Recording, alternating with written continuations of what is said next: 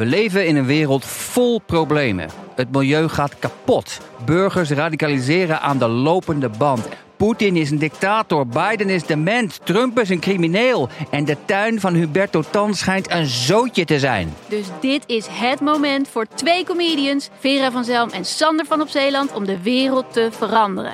Alles moet anders. Alles moet anders.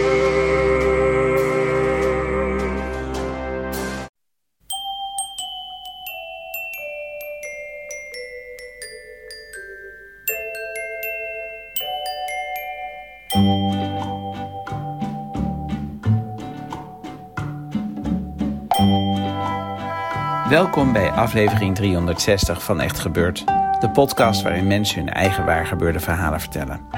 In deze aflevering een verhaal dat Nicolaas Vrijman afgelopen zondag bij ons vertelde, tijdens een verhalenmiddag rond het thema Over de grens.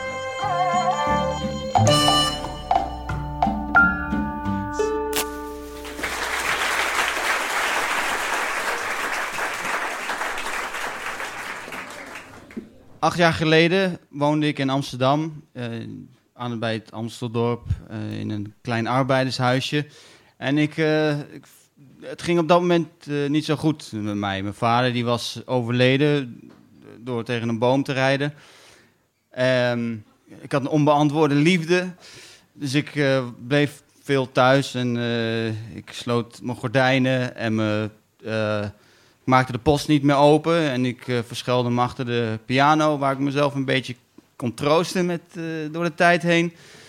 En ehm, een dag belde mijn moeder en eh, ze, ze, wist ja, hoe het een beetje met mij ging. En ze zei van, Nicolaas, laten we naar Litouwen gaan, naar mijn broer, die woont, die woont daar met zijn vriendin.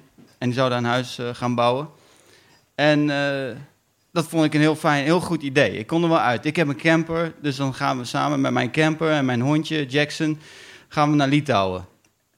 Dus wij daar naartoe en mijn broertje die stuurt mij het, eh, de locatie eh, van, waar, waar, hij woont en hij stuurt me er een filmpje bij van 30 minuten om, om, om eh, de weg uit te leggen. En eh, we, we, gingen, we reden op nou ja, eerst een, een, een, zandpad en eh, het bos in, een heuvel af, eh, met de camper rivier door. weg wat smaller werd nog. En, en uiteindelijk kwamen we na een uur of zo kwamen we aan bij het plek waar hij woonde, midden in het bos. En op zich hartstikke mooi daar. En ik had een eigen plekje daar waar ik mijn camper neerzette met een mooi uitzicht over de heuvels. En ehm, ik stapte uit en ik voelde me daar echt... eh, met, de natuur was dus zo anders dan dat ik het hier gewend ben. En zoveel ruimte, ook heel veel muggen. Maar eh, daar, daar was ik vrij snel, kon ik me daar overheen zetten, wel gelukkig. En ehm, mijn broer zouden we gaan helpen met een huis bouwen. En na twee weken was er nog niks gebeurd. En eh, er stond een schep, alleen een schep in de grond van waar het huis dan moest komen. En eh, ik vraag me wanneer gaan we nou beginnen? En de volgende dag, hij, eh, hij eh, roept ons allemaal bij elkaar.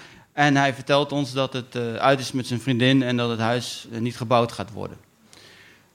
Dus nou ja, toen hadden we nog vier weken om gezamenlijk fijne, fijne tijd te kunnen hebben met mijn broer. En ik had het zo naar mijn zin daar. De cult- cultuur was geweldig. de drank en de sterke drank die ze daar ook goed kunnen drinken. En eh, ik moest weer terug naar Nederland. En eh, terug naar mijn werk. En ik werk in theater als eh, technicus en als geluidstechnicus. En eh, op zich een hele fijne baan, een mooie baan. Maar ja, ik was weer terug in Nederland en ik voelde me niet plek. De gordijnen waren nog bleven, bleven dicht. En ik verlangde terug naar Litouwen. En ik dacht, nou ja, ik ga volgend jaar ik ga gewoon weer naar Litouwen. Dus, nou ja, naast de gordijnen natuurlijk bleef bleven mijn enveloppen die binnenkwamen, die bleven ook dicht nog steeds. En eh, ik ging weer terug naar Litouwen en ik voelde me meteen weer op mijn plek en op mijn eigen plekje in het bos. En ik eh, kijk om me heen en ik denk, ja, die bomen zijn natuurlijk hartstikke mooi. Alleen ik moet ook, eh, ja, ik kan er niet meer praten, of tenminste, ik was nog niet in dat, ik was nog niet zo ver.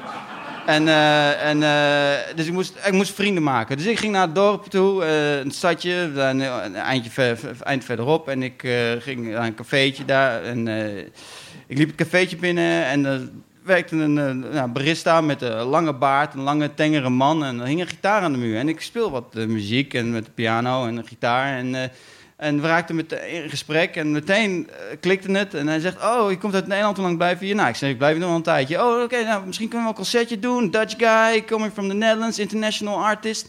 En, eh, en eh, ik dacht, ja, dat, dat, nou ja ik ben eigenlijk niet goed genoeg daarvoor.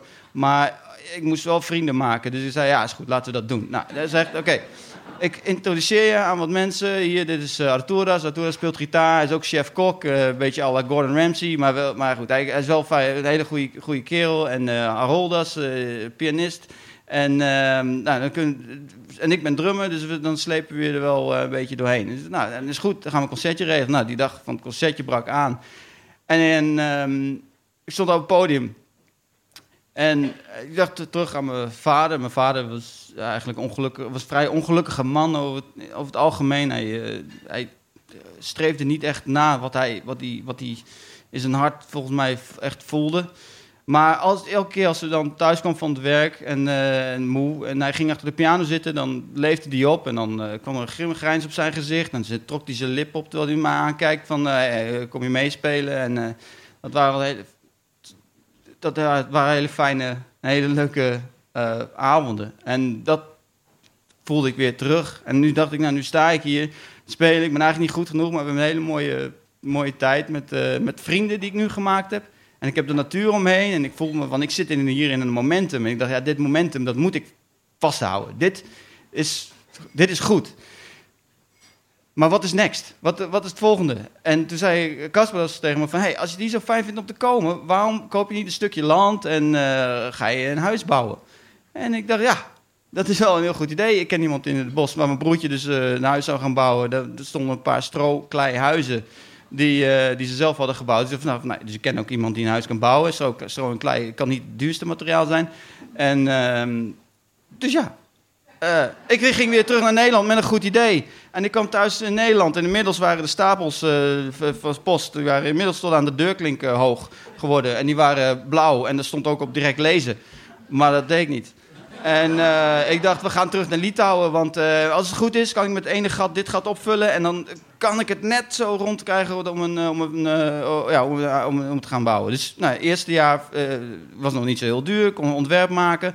Eh, ik weer terug naar Nederland om te werken. Ja, dat gat eh, weer met dat gat vullen. De- Inmiddels kreeg ik naast de blauwe post eh, kreeg ik ook witte post. Waar ehm, dan de deurwaarderspost is wel gewoon wit.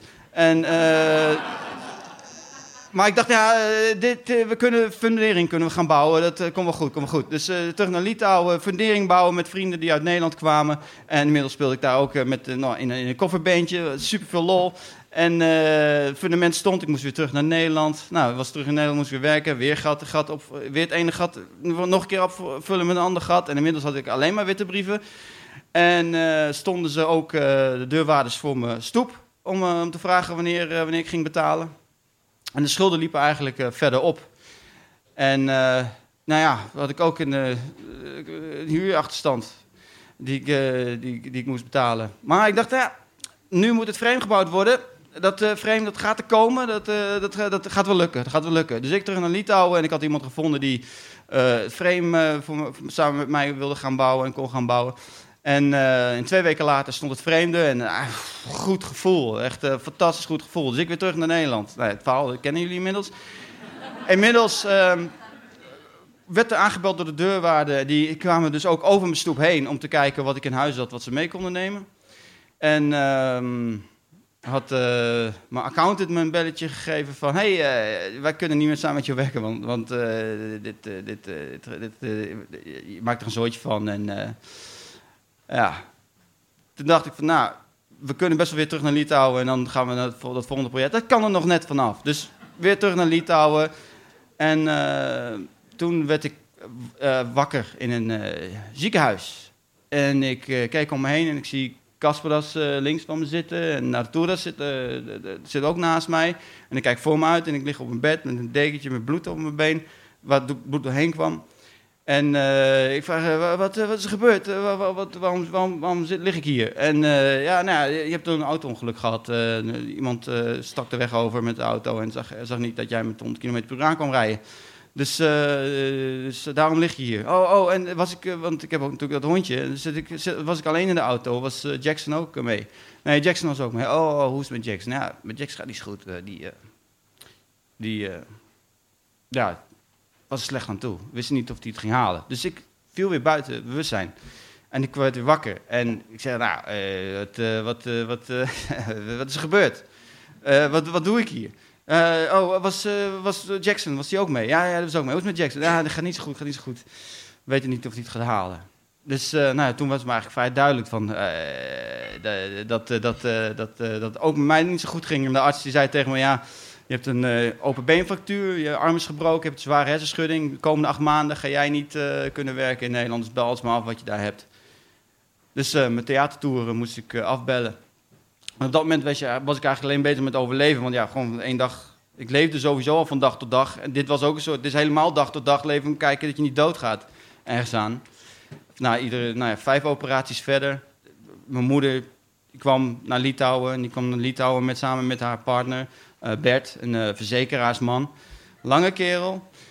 En hij eh, zag mij liggen in bed en hij was eigenlijk wel meteen van, ja, eh, dat, eh, hij wist dat ik ZZP'er was en wist voor de rest de situatie niet, maar hij wist wel dat ik goed de klos was. En hij, mijn moeder die ging even boodschappen doen, die ging met, natuurlijk met enorme kopzorgen de deur uit en dat ik het maar net overleefd had. Of dat ik het goed vanaf komen man eigenlijk. En Bert vraagt mij van, ja, hoe het, wat, heb jij, wat, wat, wat is de situatie? Hoe zit het in elkaar? En op dat moment brak ik. En ik had, ik, ik moest hem vertellen dat, dat ik de afgelopen jaren eigenlijk alles maar bij elkaar had, eh, het ene gat met het andere gat probeerde op te vullen. En dat ik enorme schulden had gemaakt. Dat ik een huurachterstand had, waardoor ik ook nog eens eigenlijk, eh, daar, ik had, terwijl ik in het ziekenhuis lag, kreeg ik een mailtje van, van mijn huurbaas van dat hij me daaruit wilde hebben, omdat ik eh, de huur niet betaalde. Logisch natuurlijk. En ehm, nou ja, mijn accounten die ik niet meer heb en alle schulden die, die ik had, heb op dat moment. En Bert zegt van, nou ja, Nicolaas, eh, zorg nou maar eerst voor dat je weer gezond wordt. Dan gaan wij samen dit oplossen. En dan, eh, dan, eh, dan, kun, je weer, dan kun jij ook weer verder om het huis af te bouwen. En hij heeft me geholpen. Eh, We hebben de verzekeraar eh, de, van, de, van degene die mij het ziekenhuis ingereden heeft. Die, hebben, die heeft eh, mijn, voor een deel heb ik dat salaris terug kunnen krijgen. Ik heb een deel daarvan ook mijn schulden kunnen aflossen. En heb ik, ehm, eh, ben ik keihard gaan werken met zonne, zonnepanelen op het daken leggen. doe ik er nu bij. Want, want ja, in één keer los van dat ik al die schulden had, kwam ook in één keer de coronacrisis voor twee jaar voorbij. Ook niet leuk als theatertechnicus.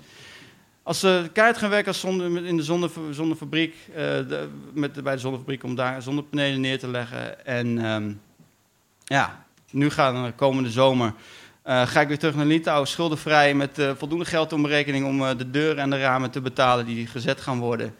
En dan heb ik samen, samen met, eh, gaan we deze zomer gaan we er samen met eh, Jackson naartoe. En,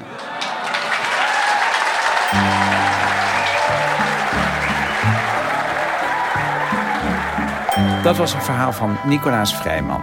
Vaste luisteraars van Echt Gebeurd kennen zijn naam, omdat Nicolaas in de eerste tien jaar vrijwel altijd de zaaltechnicus was tijdens onze verhalenmiddagen. En hij monteerde in de eerste jaren ook deze podcast. We waren heel blij om Nicolaas afgelopen zondag weer te zien in Comedy Club Toemler. Maar nu aan de andere kant van de microfoon, aan de vertellerskant, op het podium. Nicolaas maakt nog steeds muziek en ondertussen is hij nog altijd een van de leukste theatertechnici van Nederland. De redactie van Echt Gebeurd bestaat uit Paulien Cornelissen, Maarten Westerveen, Bijke Aarts, Renette Kwakkenbos, Tom van Rooyen en mijzelf, Micha Wertheim. Onze productieleider is Hanna Ebbingen.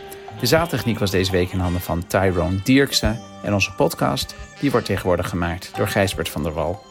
Dit was aflevering 360. Bedankt voor het luisteren.